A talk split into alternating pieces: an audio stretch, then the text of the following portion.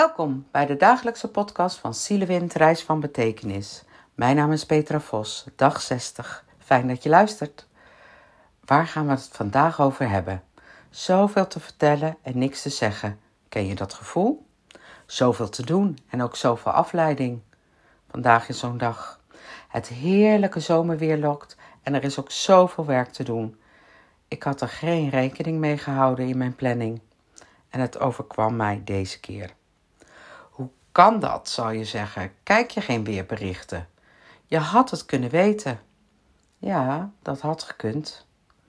En hoe is dat bij jou?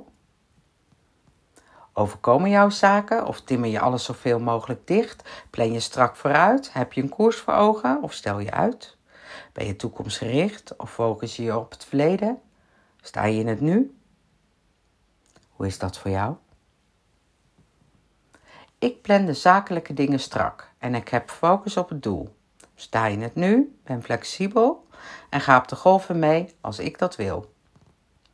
Als dit nu bij je oproept dat ik vanuit een agenda leef, dan heb je het mis. De hoofdzaken plan ik strak en ik heb ruimte om te bewegen voor spontane acties. Behalve vandaag. Vandaag ging het anders. En morgen? Morgen ga ik me met de kunst van het aanlummelen bezigen. Het is immers mooi weer. Misschien is het niet verstandig. Waarom zou het dat moeten zijn? Het ijzersmeden als het heet is. Het begint bij jezelf. En af en toe te trakteren en een pauze te nemen.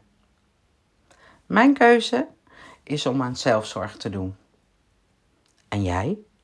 Wat ga jij doen?